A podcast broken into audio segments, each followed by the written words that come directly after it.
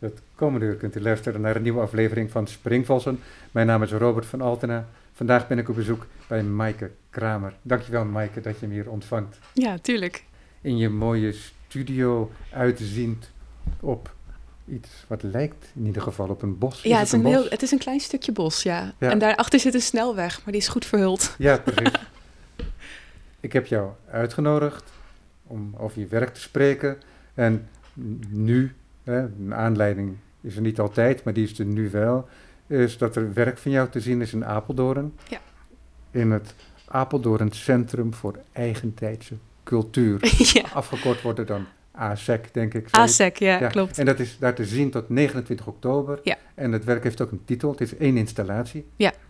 Time is an endless shelter. Yes. En het is te zien in de kelder. Precies. Dus Ja, als je precies. binnenkomt, moet je nog Ja, even dus naar beneden. Je hebt hem ook echt voor die ruimte gemaakt. Ja, klopt. Ja, Ja. ik wist dan een, een- ruim een half jaar denk ik geleden al dat ik die eh, tentoonstelling ging doen. Dus dan begin ik bij de ruimte. Dus het is echt gemaakt ook voor die plek. Het was voor mij voor het eerst dat ik werk van jou in het echt zag. Ik had Ja. alleen maar foto's gezien van je werk en ik was geïnteresseerd en dan noteer ik je naam. En dan Mhm. denk ik van dat wacht ik een mooie gelegenheid af om je te spreken. Ja, En eh, dat is dan vandaag. Jij maakt beelden, installaties, ook tekeningen, denk Mhm. ik, ja, en foto's. En als algemene karakteristiek zou je kunnen zeggen dat jouw beelden en installaties, je moet zo meteen maar zeggen waar ze van gemaakt zijn. ja, ja. Ik heb een idee. Die hebben een stofuitdrukking alsof het grafiet is. Alsof het tekeningen zijn. Mhm. En dat werkt ook wonderwel op foto's, kan ik je zeggen. ja. Zoals ik het aanvankelijk tegenkwam. Ja. Dus aanvankelijk dacht ik ook dat ik keek naar grote tekeningen. ja, maar wat dacht je te zien dan? Nou, ik zag ook uh, een zo'n foto die ik nu voor de maandaankondiging heb Ja. gebruikt.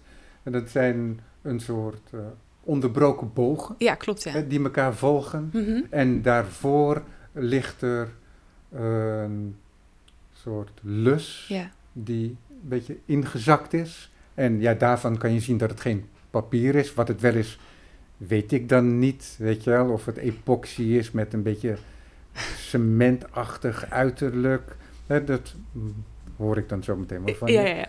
En nu in Apeldoorn was dat wat gemakkelijker te zien. Ja, het is altijd ook wel anders als je het in het echt ziet, denk eh, ik. waar het van gemaakt is. Dus dat is eh, Heb je het ook gevoeld? Nou, een vriend van me die had zo'n nageltje uit een, zo'n kistje gepakt. dus ik heb er zelf niet met mijn handen aangezeten. Nou, dat, dat doe ik dan toch niet. Maar Mag wel hoor. hij eh, was eh, nieuwsgierig genoeg om die barrière te doorbreken. Wat we daar zien is toch behoorlijk anders dan wat ik op foto's had gezien. Dat is mijn beperkte kennis van je werk misschien. Ja, ja. Maar een indruk. We lopen een trap af, kata-basis. Mhm. En we lopen een donkere ruimte in. Je loopt echt het donker in als je Ja, trappetje afloopt. En dan komen we dwars op een ruimte. We komen in het midden van een rechthoek. En in die rechthoek lijkt er iets te zien te zijn als een herschepping van een ruïne. Of het begin van een bouwsel dat verlaten is, als het ware. Mhm. Dat is de eerste indruk. Grijs. Ik zie ook wat terracotta kleuren. En bouwstenen. Maar het zijn geen gewone bouwstenen, zie je dan. Ze zijn samengesteld. Ja. En vervolgens zie je ook dat er wat anders aan de hand is. Dat er van die bouwstenen zijn die soms ook laden zijn. Of ladenkast. En waar een laadje uitkomt. En in die laders zitten dan hele grote nagels. Ja, hè, spijkers. Die- dat soort nagels. schroeven. Maar heel duidelijk niet mimetisch gevormd. Maar eh, wel gevormd, maar niet gekleurd. Dus terracotta. Ja. Dus heel kwetsbaar, juist. Mhm. En het is niet zomaar een rechthoek die daar neergelegd is, maar er zijn nog dus vormen in aangebracht ook. Dus het is wat grilliger dan gewoon een strakke rechthoek. En ja, het hoogste deel, dat is niet hoger dan kniehoog volgens Nee, mij. klopt. Het is, het is laag. Ja. Ja. Ja, dus je loopt eromheen. Je zou er zelfs in kunnen gaan staan. Ja. En er is wel in die donkere ruimte, hoog tegen een muur, een venster. En Ja. dat venster, dat is een projectie. ja, klopt. En wat zien we in die projectie? We zien eigenlijk een, ehm, ook in diezelfde terracotta kleuren, een, ehm, een, een soort van schim van een uitzicht naar buiten. Maar het is wel duidelijk een, een schim, dus je ziet niet direct een uitzicht. En er is ook eh, geluid wat je hoort, wat ook een soort van echo is van geluid. Maar met een soort van, ja, met een echo eh, erin, zeg maar. Het is allemaal heel ver weg. Ik stel deze vraag omdat toen ik er was, geluid en projectie niet aanstonden. Ja, Dus ik had, er geen, ik had er geen weet van. Ik ik leerde het eh, vlak voordat ik het apparaat aanzette. ja, Ja. ja. Nou ja, dat Ja. zo gaat dat wel eens. Ja, zo, soms wordt het zoiets wel is Ja. vergeten. Dat is wel Ja. jammer. Ja. Kijk, wat interessant is, is Ja. dit is echt een heel duidelijk een installatie. Ja. Een vertelling wordt het daardoor ook. ja, En je kunt er van alles op projecteren wat het is. Je kunt het gaan denken ook als een soort mentale ruimte. Misschien wordt dat versterkt ook. En dat is heel psychologiserend natuurlijk, maar door die kastjes. ja, Hè, waardoor het ook eh, ja, het, gewoon, het geheugenpaleis is met zijn Precies. ruimtes en dergelijke. En dat is anders dan hoe ik je werk leerde kennen via foto, ja, waarbij weliswaar ook installaties waren, maar ook ehm, ja, losstaande sculpturen echt. Ja. Hè, dingen, dus de elementen uit de installatie kon je gemakkelijker afzonderen. ja, dat is dat ook is een wel. indruk, hè? Ja, dat is wel een hele correcte indruk, denk ik. Ik denk ook dat het werk wat ik nu voor ASIC heb gemaakt, in die zin ook wel echt een, weer een, een nieuwe stap is in mijn, eh, in, in, mijn, eh, in mijn praktijk.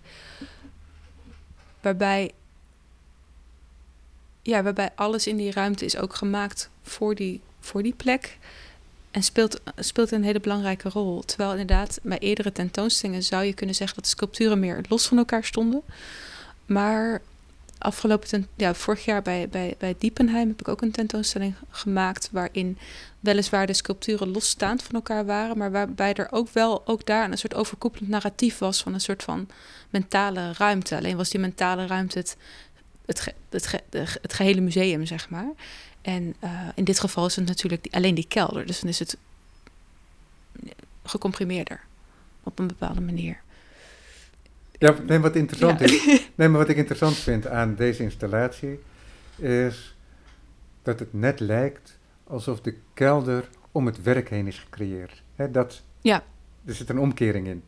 Ja, ja, mogelijkheid. Eh, eh, precies, je hebt het idee dat, ja, misschien in eerste instantie dat je kijkt naar een, ja, misschien wel. Archeologische opgraving. Eh, bijvoorbeeld bij de Kolk, Nieuwezijds Kolk in Amsterdam. Daar is ooit een nieuw gebouw neergezet. Ja. En terwijl ze daarmee bezig waren, vonden ze funderingen uit Ja, de middeleeuwen. En vervolgens hebben ze dat geconserveerd en gedeeltelijk zichtbaar gehouden. Dus als je in zo'n gebouw ingaat, dan kun je die gewelven nog zien. Ja. Kijk, zo'n gedachte Zo'n associatie. komt ook op. ja. Dus dat de ruimte herschapen is om een vondst heen. Als archeologie. Ja, precies. En voor mij is die ruimte ook weer een soort van herhaling van die binnenruimte. Dus je hebt zeg maar die ruimte die ik heb gecreëerd en de ruimte die de ruimte zelf al was. Ja, exact. Dus je hebt eigenlijk een soort van. eh, je creëert een soort folly in een ruimte die eigenlijk ook al diezelfde beslotenheid heeft. Ja. Maar door die folly te creëren in die ruimte valt dat meer op. En vandaar, vandaar ook die plaatsing van dat raam. Om ook vanuit die diepte nog meer duidelijk te krijgen dat je een soort van gevoel naar buiten daar mist. Of dat, dat, dat, dat buitenwereld ver weg is. Ja, ja het Eh. contrast Ja, zet je daarmee neer. het contrast zet ik daarmee eh, duidelijker neer, denk ik. Ja. Die materialen waar je mee werkt, wat, wat is dat? Want ik, heb, ik zie hier bijvoorbeeld wat, eh, laat ik het zeggen, een soort plakettes, tegels. Ja, En dat zijn denk ik materiaalproeven. ja, klopt. En ik zie ook dat je daar met potlood op geschreven hebt en zo. Ik heb dat niet, ben dat niet gaan lezen, maar ehm, die zien er alle twee ook uit weer als een 3D-tekening, als het ware. Ja. Ja, het is... ehm, wat ik, tekenen is voor mij een soort van het startpunt eigenlijk. Ehm, en wat je in tekenen kan... Is, tekenen is eigenlijk voor mij de meest directe handeling van hoofd naar hand of zo. Er zit echt niks, niks tussen. Met een kwast heb je al dat als je harder drukt of zachter drukt... dat dan de kwast uitdijt en dat je een soort effect kan creëren of zo. En tekenen is gewoon super lineair. En alle fantasieën, dus, of zo, alle ideeën die je in je hoofd hebt, kan, kunnen dus heel makkelijk in tekst of in tekening op papier worden gezet. Is voor mij een hele directe manier om, eh, om, om, om, om na te denken eigenlijk.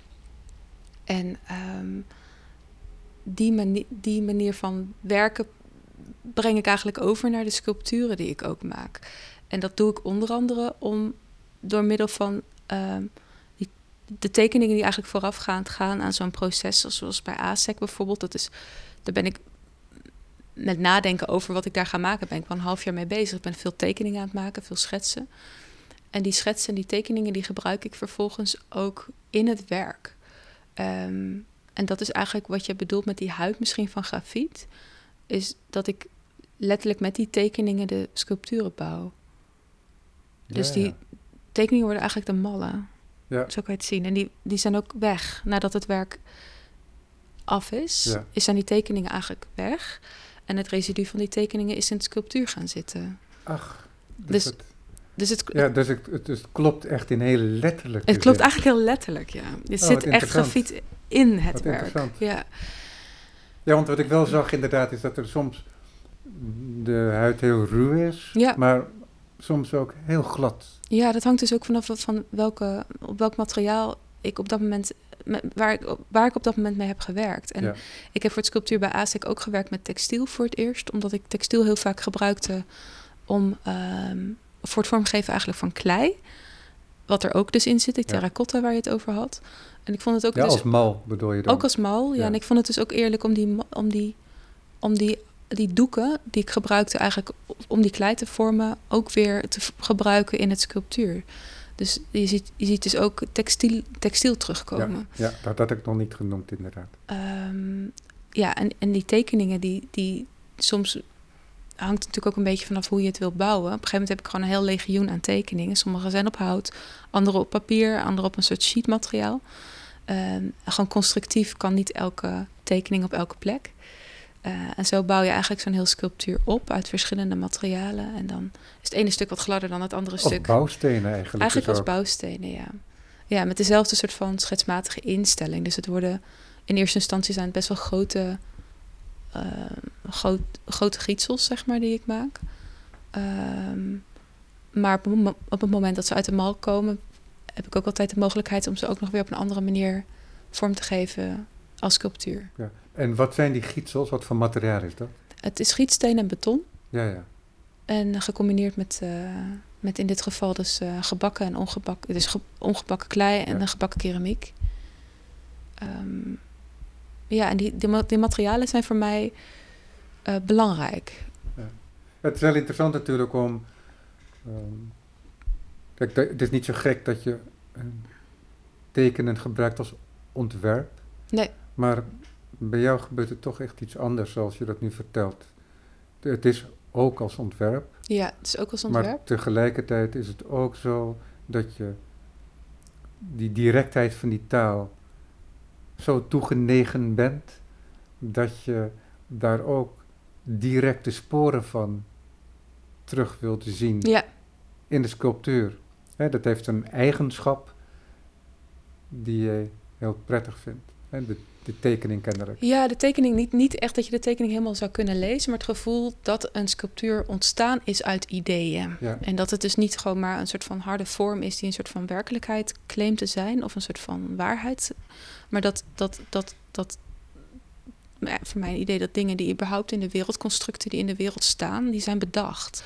En mijn, mijn werken ook, die zijn gewoon, het zijn gewoon bedenksels. En het zijn vaak inderdaad vertalingen van een soort van mentale, eh, mentale werelden. Wat je eigenlijk ook aangaf, dat, dat jou dat ook opviel aan het werk in ASEC. Dat, dat klopt. Eh, ze zijn dus ook hartstikke persoonlijk. En ik, wil, ik vind het interessant dus dat je aan de ene kant zet je een heel hard materiaal de wereld in, maar je laat dus ook zien dat dat, dat, dat materiaal is ontstaan uit een soort van overwegingen en eh, twijfels. En, eh, dus, dus dat misschien de constructen die we überhaupt om ons heen hebben. Ja, en dus de geschakeerde huid, veroorzaakt onder andere door het grafiet, Ja, die brengt dat over. ja dat hoop ik wel, ja. Ja. ja, maar die maakt ook dat het lijkt alsof ik naar opgeblazen tekeningen kijk. Ja, want mensen, als ze aan tekeningen denken, moeten ze niet denken dat je, allemaal, dat je gewoon allemaal lijntekeningen ziet, maar meer eh, ja, grafietvlakken, als het ware, die geschakeerd zijn. Ook ja, ja, Ja. ook. Ja, en als je vaak als je dan di- dichterbij kijkt, en dat is natuurlijk ook wel de reden om ook werk in het echt te gaan zien, Ja. dan zie je eigenlijk nog weer een laag. Dus er zijn eigenlijk ook verschillende lagen waaruit zo'n tekening bestaat. Dus in eerste instantie heb ik. Ik heb, ik heb ook altijd verschillende namen voor verschillende soorten tekeningen hoor. Maar je hebt een constructietekening, maar je hebt ook onderzoekstekeningen, je hebt fantasietekeningen, je hebt ka- gekaderde of kadertekeningen. Ik heb allemaal soorten tekeningen Ja. die eigenlijk in dat proces een andere plek vinden. En soms lopen die tekeningen dus ook dwars door elkaar heen. Dus dan zie je eigenlijk een grote constructietekening, dat zijn die grotere vlakken. Maar als je dan dieper kijkt, dan zie je eigenlijk waar bijvoorbeeld het idee was begonnen. En dan kan je ook, nou, als je dat leuk vindt, kan- je ook zien dus dat het idee misschien heel anders begon dan het uiteindelijk in de werkelijkheid. Of, of dat, dan dat het nu is in ieder geval. Maar voor mij is beton wel echt zo'n materiaal wat een soort van constructie verbeeldt. Een Ja. monumentaliteit verbeeldt. Ja. En, en, en, en ook niet altijd positief of zo. Dus het zijn voor mij ook wel de muren die je zelf opwerpt, die je vervolgens moeilijk kan doorbreken. En, en voor mij was dus de, de, de komst van klei in mijn leven. Dat is eigenlijk was redelijk recent, want ik ben eh, eh, afgelopen winter drie maanden bij het EKWC geweest, het Europees Keramisch Werkcentrum. En de komst, ja, de komst van klei eigenlijk in mijn, in mijn leven, maar eigenlijk in mijn praktijk, biedt gewoon eh, biedt daar een soort van tegenwicht ook weer tegen. Net zoals die tekening dat doen, vind ik. ehm, Tegenwicht tegen wat? tegen dat, dat, dat harde constructie, Ja. de harde constructie van beton, vind ik het klei eigenlijk voor mij heel erg gaan over het menselijke maken. En, en dat, je, je kan met klei eigenlijk, nou ja, wat je ook zag, hè, die pinnen en die, en die schroeven en die, en die, die zijn eigenlijk allemaal heel snel zo Ja. vloep, vloep, vloep. Je hebt het idee van een pin. Ehm, en ik, nou ja, voor mij verbeeldt dat ook wel een soort van de. ehm, ja, hoe zeg je dat? Bewegelijkheid, manipuleerbaarheid. Ja, eh, en het, en het, ehm, het meer persoonlijke of zo. Ja. Dus vandaar dat die Ja, laden tegen- zijn ja, van klei precies. gemaakt. Alle tools, alle, Ja. alle eh, de, de schroeven en die spijkers die zijn Ja, van klei tegenover de gemaakt. harde structuren. Tegenover die harde structuren, ja. Ehm, dus dat je eigenlijk ja, het, het, eh, het, vorm, het vormbare van, van de wereld of zo. Ja. Maar tevens is klei kwetsbaar. En dat vind ik boeiend. Dus die, die pinnen die je zag, die kunnen die muren eigenlijk helemaal niet doorbreken. maar, dit- maar dat is ook precies waarom ik er vanaf bleef. ja. En eh, die vriend van mij, Wim, dan, eh, dan, Wim. dan, dan niet. maar met hele delicate hand. Maar, net, maar dat klopt dan wel meteen. Hè? Dus Ja. dat, dat, dat zie je ook, want dat valt ook meteen op natuurlijk. Dat ze zo ogenschijnlijk van terracotta zijn. Dat ze zo langwerpig zijn. Dat ze wel haast gemaakt zijn om te breken. ja, en ze zijn dus ook gemaakt vanuit die muren. Dus als je kijkt, dan, die muren bestonden dus grotendeels uit beton met daar een soort vulling in van klei. Die klei is ook niet gebakken. Die klei heb ik eruit gehaald en daarvan heb ik die terracotta voorwerpen gemaakt. Ja. Dus het is een soort van vanuit je eigen muren probeer je tools te creëren die dan weer een soort van invloed kunnen hebben op die eigen mentale wereld die Ja. je hebt opgebouwd. Ja. Ja, want, ja, er zit heel veel detaillering in het werk waar we het nog helemaal niet over gehad hebben. En daar refereer je nu ook aan. Dus je ziet ook sommige van die bouwstenen. En dan zie je ook dat is zo'n zijwand die is dan open. En dan Ja. zie je die nagels erin zitten, ja, precies. bijvoorbeeld. Ja. Ja. en die steken af met terracotta tegenover de, laten we zeggen, de cementkleur. Ja, ja en die, die laat een soort van poging zien of zo. Een poging om, om, om, om, om eruit te komen of iets te doorbreken. Aan de andere kant is dat werk dus ook expres zo laag gemaakt. Omdat heel vaak zijn die mentale barrières die je opwerpt, ja, je kan er inderdaad ook gewoon overheen stappen. Dat, dat, dat is wel mooi dat je Ja. dat zei. Maar toch, toch st- bedoel, stappen mensen er binnen niet zo snel. Ik heb het niet gedaan. Nee. De opening heeft ook niemand het gedaan. Ja, ja. ja, Ja, terwijl het in die zin wel zou kunnen. ja. ja, op een opening kan ik me nog voorstellen dat er veel mensen zijn dan en zo. En dan is dat een beetje onhandig. Maar Maar ja, wie weet. die beelden en die relatie met die tekeningen die ik net benoemde, dat is niet alleen die huid en die karakteristiek van de tekening.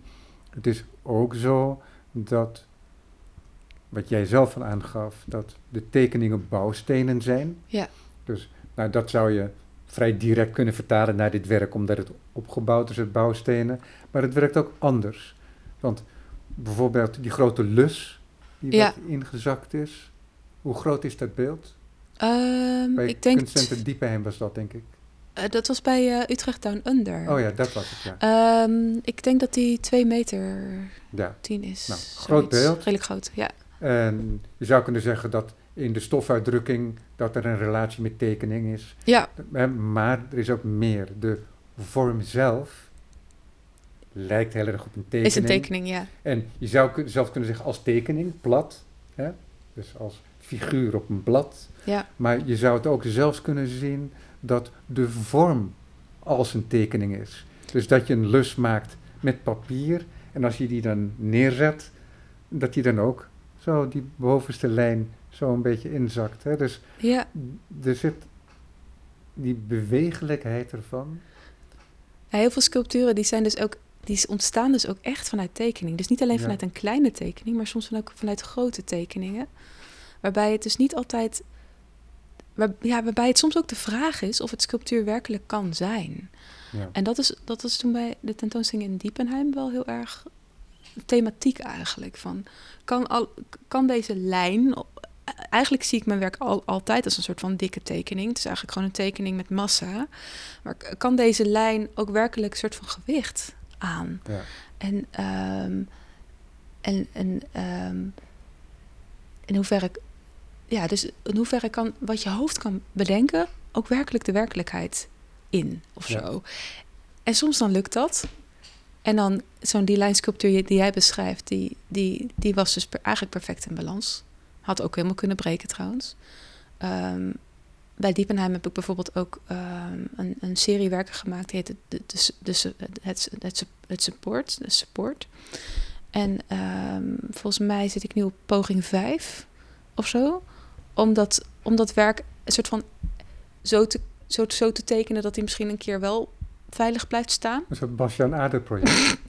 misschien Zo, zo, zo, zoiets wat gedoemd is te mislukken, Ja. maar dat toch gedaan moet worden. Ja, maar het is dus niet dat ik dat dan bedenk al- alsof het niet kan. Ik bedenk dan wel, of ja, bedenk, ik, ik, ik, ik teken en ik denk, nou, dat gaan we maken. En dan ga ik het maken en dan, en dan, en dan stort het in elkaar. En dan is dat, maar, en, maar er is wel een bepaalde acceptatie. Maar is het dan wel een werk? Ja, het is wel een werk, ja. Ja. ja. dus er waren een aantal eh, eh, ja, ondersteunde en gestutte Ja, vormen en, en, en, en, en omgevallen Ja. vormen. Ja, dus je past ze vervolgens aan, Ja, het past ze aan. met hulpmiddelen. Nou ja, of soms eh, pas ik ze aan in, de in, in het... Dan, dan ligt het dus gewoon. Ja. Ja, en dan... eh, dus met, heel veel van die werken komen pas echt tot uiting tijdens de opbouw van zo'n tentoonstelling. Omdat ze vol te groot zijn om in mijn eentje in de studio, of te gevaarlijk ook, om in mijn eentje in de studio op te bouwen. En, maar van Diepenheim had ik het soort van het akkoord gekregen van... oké, je gaat die sculpturen gewoon ontwikkelen en maken.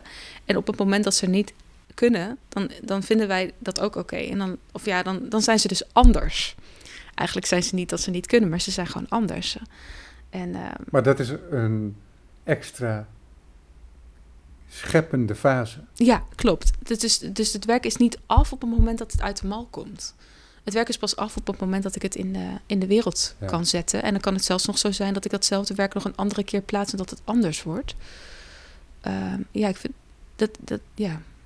Dus bij Diepenheim hadden eigenlijk alle sculpturen dat gevoel heel erg in zich. Dus vandaar ook dat er wel een hele duidelijke lijn was.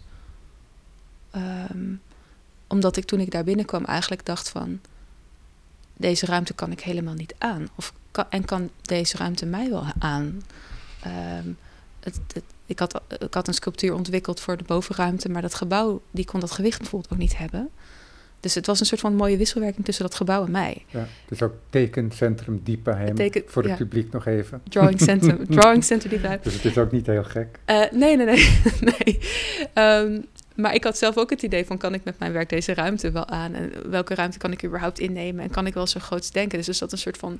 eh, iets, iets, een soort van mentaal proces... wat ik heb proberen te vertalen... en incorporeren in die beelden die ik daarvoor heb gemaakt. Ehm, ja. Ja, dus het opbouwen van een tentoonstelling is ook het maken van werk. In dat geval, ja. Niet het werk alleen als tentoonstelling, dat ook, Ja. maar ook voor de afzonderlijke werken. Ja, zeker, zeker. Ja, en, en het opbouwen van de tentoonstelling was gewoon een, eh, is, is absoluut ook het werk. En onderdelen van die opbouw waren daar bijvoorbeeld ook te zien nog steeds. Dus ik had, ik had niet, we hadden allerlei, eh, ja, ik had, ik had een fantastisch team die mij hielp. Maar daar moest ik dus allemaal dingen voor uitleggen. En al die uitlegmomenten, die, die stonden nog op de muren. Eh, dus het, het hele stuk opbouw was onderdeel van het Ja. werk, ja. Is het dan nog moeilijk om controle te houden op wat je wil uitdrukken? Daarmee wil ik niet zeggen dat je een vast idee hebt, Hmm. omlijnd, een gedachte uitgeschreven in je cahier en dat je daarmee samen met dat materiaal daar terechtkomt. Maar ja, je maakt die werken toch en je wil dat het een bepaald karakter heeft in ieder geval. Hè? Als Nou- ik het geen idee noem, dan noem ik het maar even karakter. En daar word je geconfronteerd met nieuwe situaties, Ja, hè, met een werk dat zich gedraagt zoals je nooit had kunnen voorspellen. nee, klopt. En daar moet je dan op reageren. Ja, maar Dus dat was dat stukken vanaf het begin af aan al wel onderdeel van het werk. Ja, maar dat betekent Ja. dus dat jij de improvisatie ook omarmt. Ja, klopt. Acceptatie, ja. Ja. Maar dat is misschien, zeg jij dan, ook iets wat je doet als je op papier werkt. Ja, Dat klopt. je een lijn zet en je denkt van ja, Ja, en dan zeg ik gewoon zo, nee, ik, we gaan het zo doen. ja precies. En- Dus nu zet je er gewoon wat bij. Ja, Je pakt er geen gum bij, maar je zet er een extra lijn bij. Wat je nu dus in Ja. je cahier voor mij doet. precies. Ik, en, en het feit dat dit doorgekrast is, is ook oké. Mag Ja. je ook zien. Ja. Ja, dus het is in die zin wel... Ik probeer eigenlijk die... In die monumentaliteit een soort van complete transparantie of zo ook te vinden. Ik weet niet dat het er veel toe doet, namen, maar als ik jou zo hoor, werk jij niet als een beeldhouwer. Ik, ik, ja, ik heb, ook, ik heb ook geen idee. Nee, nee, maar ik Nee. weet je, dat, dat is toch interessant dat je een andere... je- misschien noem je jezelf een beeldhouwer, ik weet het niet, want je maakt beelden, dus het zou kunnen. Het doet er ook niet zoveel toe, Nee. maar het zegt wel iets, denk ik. Omdat, ja, dat accepteren van een varende constructie en het opzoeken van de grens van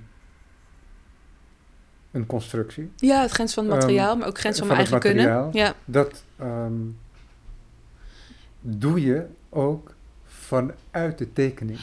Ja, maar het is ook zo dat ik het ook doe vanuit het materiaal op een, Ja. een of andere manier. Ik heb natuurlijk ja, net die residentie bij het EKWC ook gedaan. Mhm.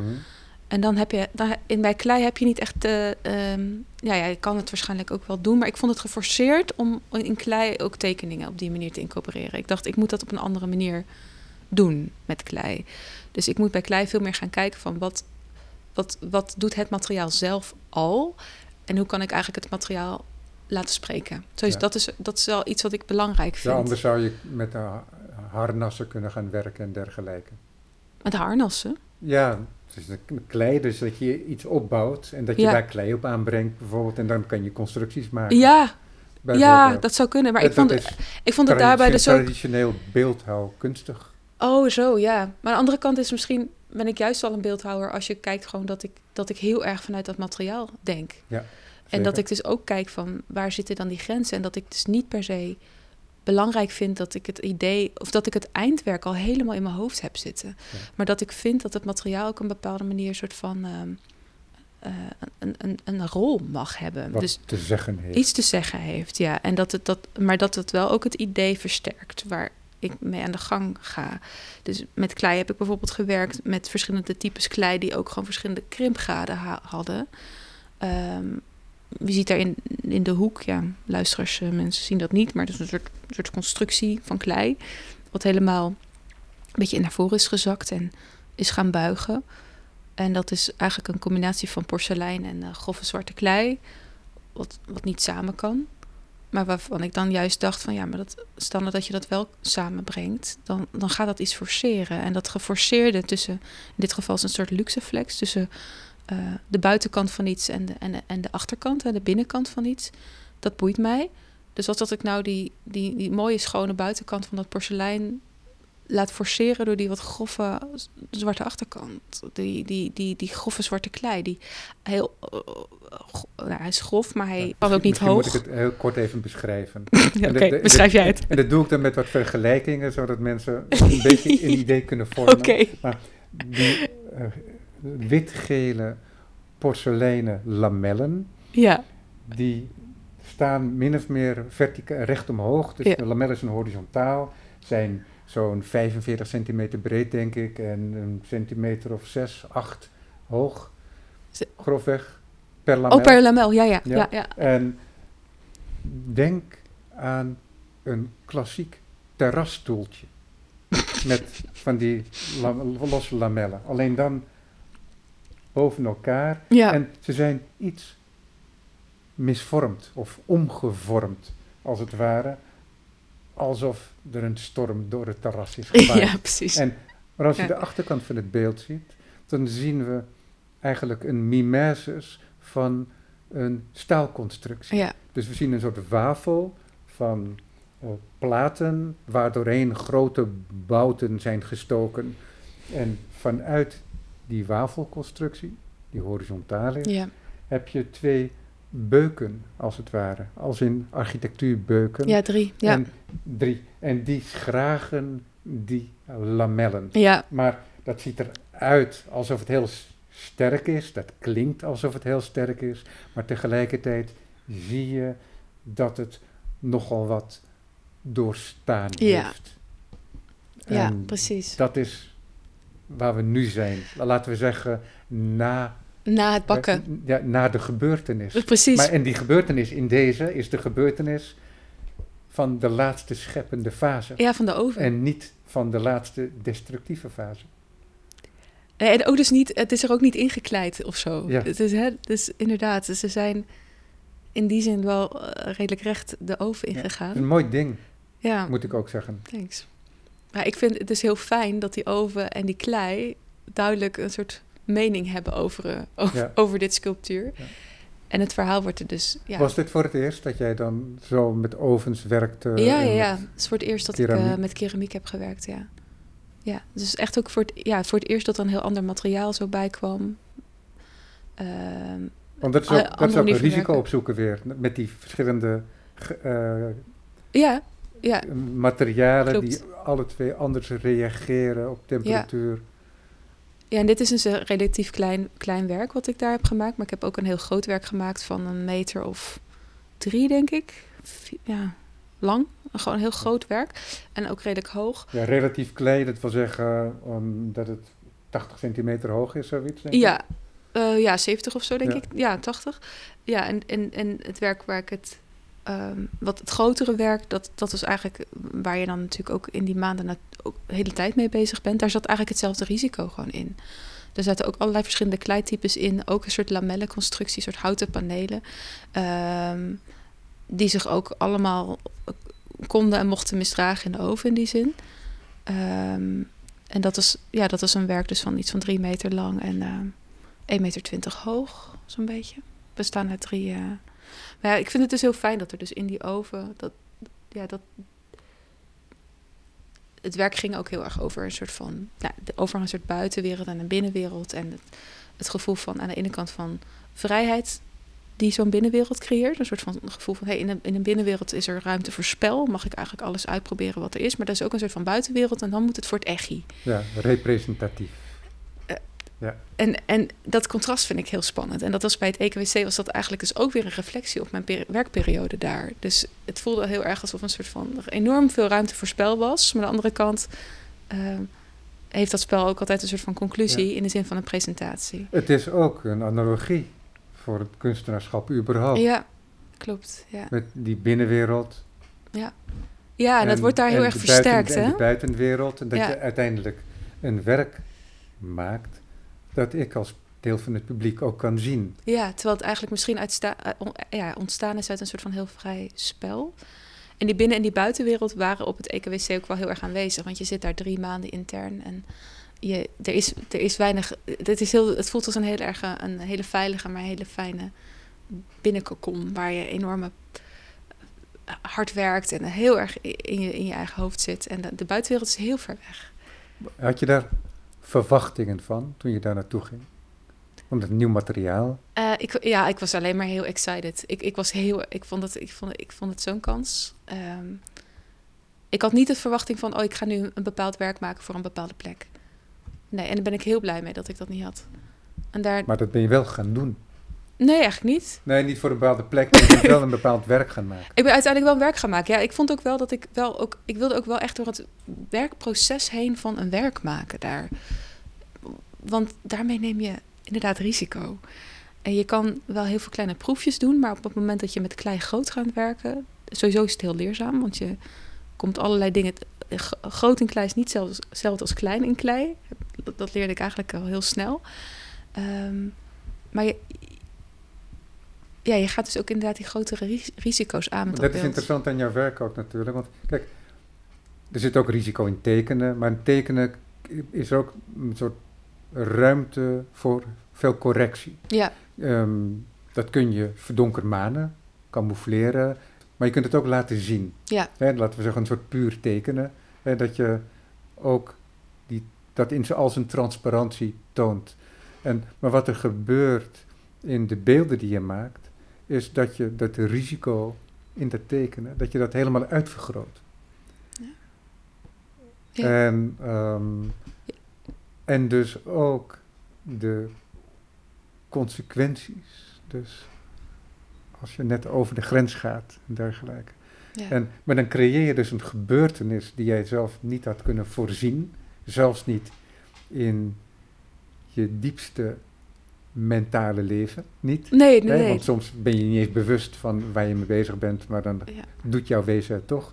Maar dan, want dan treedt de werkelijkheid ook in waar je op moet reageren. ja, En dat is Ja. misschien ook wel prettig, want dan dat maakt dat je uit die binnenwereld überhaupt moet stappen, ja, inderdaad. Ja. omdat, je, omdat het zich dan buiten jou afspeelt. En het werken dus ook minder verinnerlijkt is dan met een tekening. ja. Dus, dus, dus de buitenruimte wordt als een soort innerlijke ruimte dan. ja, precies. automatisch. Dus alleen dan is het for all to see. Als ik bij een opbouw van jouw tentoonstelling bezig zou zijn, dan zie ik, als het, dan ben ik ook in die mentale ruimte als het ware, want die Ja. is op dat moment veruitwendigd. Ja. Kijk, en als ik hier een dag met jou door zou brengen en ik zou zitten schrijven en lezen en ik kijk af en toe op hoe jij aan het tekenen bent, dan zie ik weliswaar een tekening, maar ik zit niet in jouw innerlijke ruimte. Nee, en het is ook zo dat zo'n. Dat, daarom vind ik ook het interessant om met een soort van ehm architectuur-elementen te spelen. Omdat je je- dan inderdaad ook fysiek of zo verhoudt tot iets. Ehm, inderdaad, met, met een tekening kan je wel, vind ik wel dat je een soort van, dat je wel een soort van wereld in kan duiken. Heb ik ook wel bij tekeningen van anderen, dat je een soort van, dat je in die wereld voelt.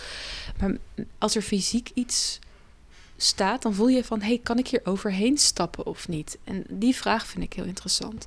Of durf ik hier onderdoor te lopen? Of ga ik dit nou wel of niet aanraken? Of eh, durf ik hier naast te staan? Eh, Naast dit wankele ding, weet je wel, wat misschien leuk is bedacht als tekening, maar kan het wel ook als sculptuur. Dus die, ja, ik vind het interessant dat, dat, dat een, een, een, een sculptuur die fysieke ervaring meebrengt. En ja, voor mij is dan een soort van in de architectuur vind ik dan vaak heel veel metaforen besloten of zo. Uh, ja, en ik vind het ook interessant dat iets als architectuur eigenlijk altijd al om je heen is. En dat je daar eigenlijk constant toe verhoudt. En dat je soms ook niet doorhebt hoe dat kan beïnvloeden of zo. Ja, ja maar dat verhouden tot architectuur, dat is natuurlijk heel bepalend. Mijn broer die woonde een keertje tijdelijk ergens. Mhm. En geen raam en geen deur Mhm. Mhm. waren goed geplaatst. Dus alles garnierde prima, en dus dat was het probleem niet. Maar je liep een deur door en waar je behoefte had aan een raam, had je een blinde muur en andersom. Oh ja, ja. Dus er klopte helemaal niks van. Dat had iemand in elkaar geknutseld. Ja. En dan merk je opeens hoe belangrijk het is. We wisten het al, maar dan wordt het bevestigd. Hoe een ruimte functioneert. En dat is belangrijk in de architectuur. En dat is een aspect die uitvergroot wordt, denk ik, in kunst. Op een andere manier, Ja, hè? want ja, je, ja. je kun je niet bewegen in kunst, niet altijd althans. Nee. Maar waar ik naartoe wil, is dat die ruimte waar ik dan in bevind, Mhm. waar jouw werk te zien is en waarin ik door jouw werk kan bewegen, ehm, dat is op een bepaalde manier, heeft dat die kwetsbaarheid ervan. Dat maakt ook dat, dat ik het emotioneel ervaar op een bepaalde manier, via mijn lichaam. Ja. Dus, en eh, in plaats van, waar ik heel goed in ben, ehm, iets analytisch op een afstand te bekijken. Dus, ehm, maar omdat ik me moet verhouden met mijn lichaam tot je werk. Ja. En dus dat is heel interessant dat ik het ook echt ervaar als heel persoonlijk en Ja. niet als een strikt, laten we zeggen, formalistische uitdrukking. Nee, nee, nee, precies. Dat is het voor mij ook echt niet. Nee. Nee, het zijn echt een soort mentale ruimtes die ik bouw. Ja. Waar- En ja. denk je daarover na of is dat iets wat, laten we zeggen, gepaard gaat met het maken? Formuleer het voor jezelf expliciet. Wat, wat zo'n ruimte teweeg moet brengen, bedoel je? Ja, Ehm, daar ben ik wel mee bezig. ja. maar Ja. kijk, je hebt hier zo'n groot cahier. Ja, Eh, daar maak je tekeningen, tekeningen in. Ja. Ik zie ook wel dat je schrijft. schrijfsels. Ehm, maar zijn dat schrijfsels met betrekking tot constructie en materiaal? Of Nee. zijn het ook overpeinzingen? Overpeinzingen, ja. ja, ja. Ja. Nee, dit zijn, zijn ook wel natuurlijk, dat, dat bedoel ik ook. Er zijn, er zijn altijd constructietekeningen, maar er zijn ook een hele hoop tekeningen die gaan over de sfeer die ik wil proberen te pakken in het werk. Ja, dus En de overpeinzing hoeft niet alleen taal te zijn, maar kan ook een tekening zijn. Zeker, ja, Ja. Voor mij zijn die tekeningen dus ook. Ik ben soms ook heel erg lang op zoek tot er een tekening is die voor mij dat gevoel heel erg goed kan pakken. Want soms is het, is het is inderdaad wel zo dat je een bepaald. Nou, ik dacht, eh, het is, eh, het is een kelder, echt een binnenruimte. Ehm, ehm, hoe werken die muren voor mij? Ehm, hoe werkt mijn mentale proces soms met het kunnen opbouwen van muren en die moeilijk kunnen doorbreken? En er zit een bepaalde sfeer in die ik wilde pakken. Ook heel erg van het. het, het, het- ik had heel erg het idee van zo'n klus, zo'n zo'n klusschuur. Weet je wel? Van zo'n. Dat iemand thuis dan zo'n klusschuur heeft. Waar, je helemaal je eigen soort van. helemaal los kan gaan. Maar het blijft daar ook heel vaak in die schuur hangen of zo. Dat was een soort van gevoel wat ik heel erg in, me, in, in mezelf had. Van dat is een soort van. Als een soort van plek. En. ehm, vooral die pogingen om dan dus een beetje die, die muren te door- doorbreken met zelfgemaakte tools. Nou, zo. Dus ik zat, ik zat helemaal in, in, in die sfeer en daar ben ik. Nou, ik heb. Ik laat het je zo wel zien, maar ik heb er heel veel tekeningen van gemaakt. Sommige zitten dus nu ook in het beeld. Maar dat is dan één tekening, die hangt dan daarachter op de muur. En die bevatte dat voor mij op een of andere manier heel erg. En pas op het moment dat ik die tekening echt heb, dan pas kan ik echt gaan bouwen aan het sculptuur. Wat heel interessant is natuurlijk, en die tekening doet me eraan herinneren. Kijk, zoals ik het net schetste, lijkt het net alsof het, een, het beeld, die structuur, mm, helemaal vrij staat in de ruimte. Maar die is als het ware in een soort Francis Bacon ruimte gevat. Ja, hij is geankerd, ja. Hij, door pilaren, Mhm. waardoor er een kubieke leegte ontstaat. Ja, Zoals je we kennen van schilderijen van Francis Bacon. En voor de rest moet u deze associatie ook volledig vergeten, maar dat is alleen om het beeld even op te roepen. Ja, dus waardoor het er ook net uitziet als een vlinder die opgeprikt is, als het ware. Oh ja, Alleen in dit ja. geval is het dan een architectuur van. Maaike Kramer. mooi gezegd. Ja, voor mij was het ook een soort van onderdeel van, het, van, van laag en hoog of zo in de ruimte te benadrukken. Ja, Eh, van het feit dat die mentale ruimte eigenlijk redelijk laag is. Dat je er inderdaad gewoon overheen kan. Hè? Dat, en dat die pilaren die geven een soort van hoogte. En die, maar die lijken dan ook weer het gebouw te stutten op een of andere manier. Dus je, nou ja, in het begin zei je al van is het iets wat in opbouw is of is het, in, is het eigenlijk een ruïne? Dat is een goede vraag. ja. Die, die laat ik het liefste gewoon onbeantwoord. Nee, ja, nee, precies. En het, kan ook een gebouwde ruïne zijn. Dus er zitten allerlei ambivalente fases daartussenin. ja, bedoel ik maar. precies. Ja, en, en Eh, soms is waardoor je een beetje op het terrein komt van het simulacrum. Hè, iets wat iets anders nadoet. Ja. En dat wordt versterkt. Ja, sorry dat ik zo'n woord gebruik. Maar, nee, maar, maar dat wordt versterkt ook door die nagels. Die spelen nagel te zijn. Nou, maar dat is precies wat je zegt. is interessant. En net zoals ik zeg, mijn tekeningen zijn... Het, het, het, zijn soms geen, geen sculpturen, het zijn dikke tekeningen. Het, voor- en achterkant, het zijn een soort façades. Ja. En eh, vaak ook een soort van... eh, het kan iets theatraals ook hebben.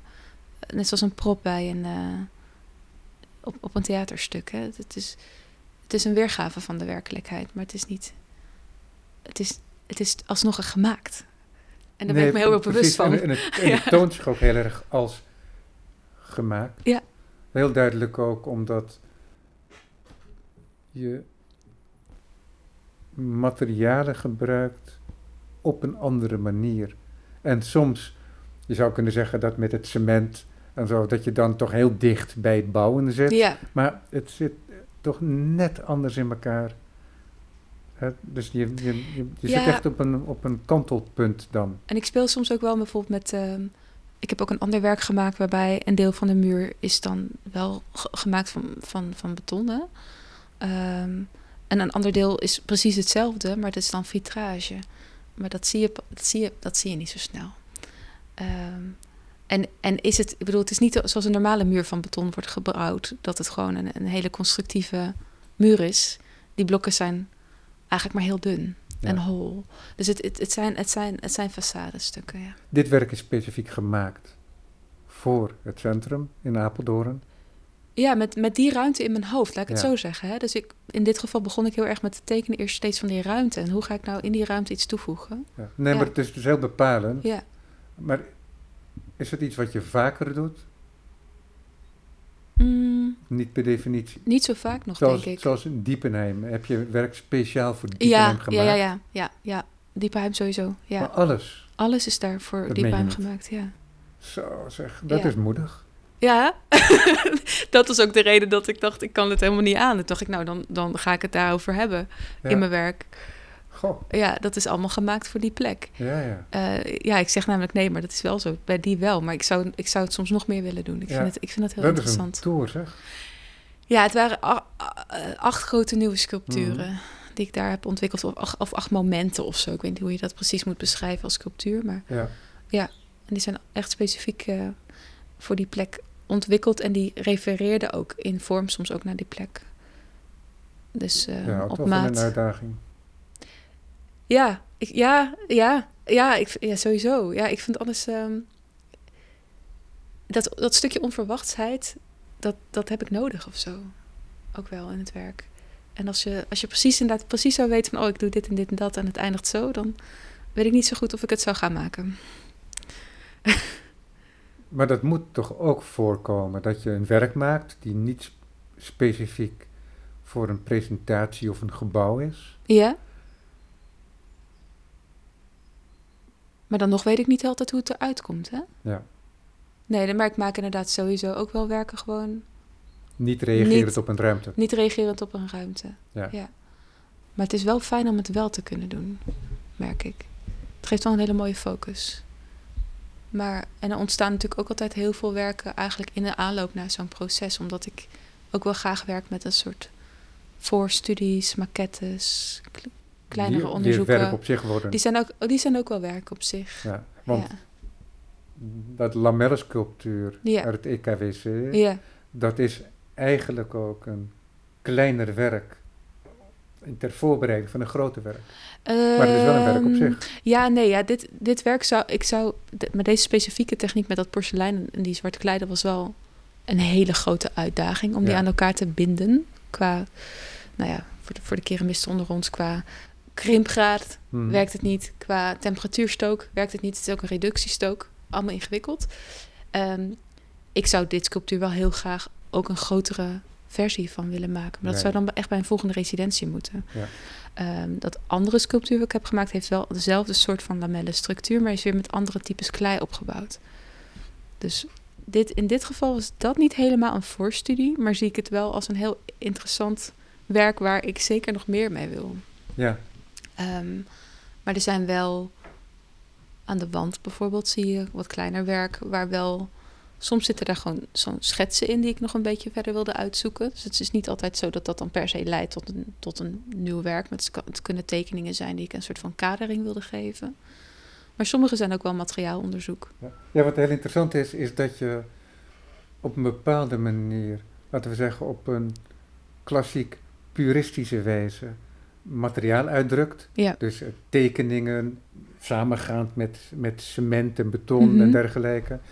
Maar dat dus ook dat idee van het simulacrum daar ook een plek in krijgt. Op een hele natuurlijke wijze. Want dat metalen wafel ja, van die het eruit ziet als staal, horizontale staalplaten waar je iets aan een fundering mee schroeft hè, met die bouten. ja, Ja, dat wordt nagemaakt ja. in een ander materiaal. Hè? Dus dat, eh, maar dat gaat samen met een vrij pure uitdrukking van porselein. En, Ja, ja Dus- precies. Want het is, het, is, het is uiteindelijk altijd bij mij wel het materiaal is ook wel wat het is. het Eh, is wat het is, maar tegelijkertijd is het ook zo dat je iets uit een... eh, kijk, je hebt bijvoorbeeld een eh, klassieke tempels. En die hebben van die, ehm, dan heb je dan zo'n horizontale balk Ja. die, hè, die je timpaan draagt. Ja, en zo. ja. Dan heb je van die, die me- zuilen. me- metopen, heet dat. Dat zijn de koppen van de, van de horizontale balken. Oorspronkelijk. Ja, Hè, oorspronkelijk waren ze van hout. En je hebt zo'n stofwechseltheorie zo van een 19e eeuwse architectuur-theoreticus. ik ben even zijn naam kwijt, maar ik, daar kom ik nog wel op. En, ja, dat waren kopskanten van houten balken. Ja, Maar op een gegeven moment werden die dingen in marmer gebouwd.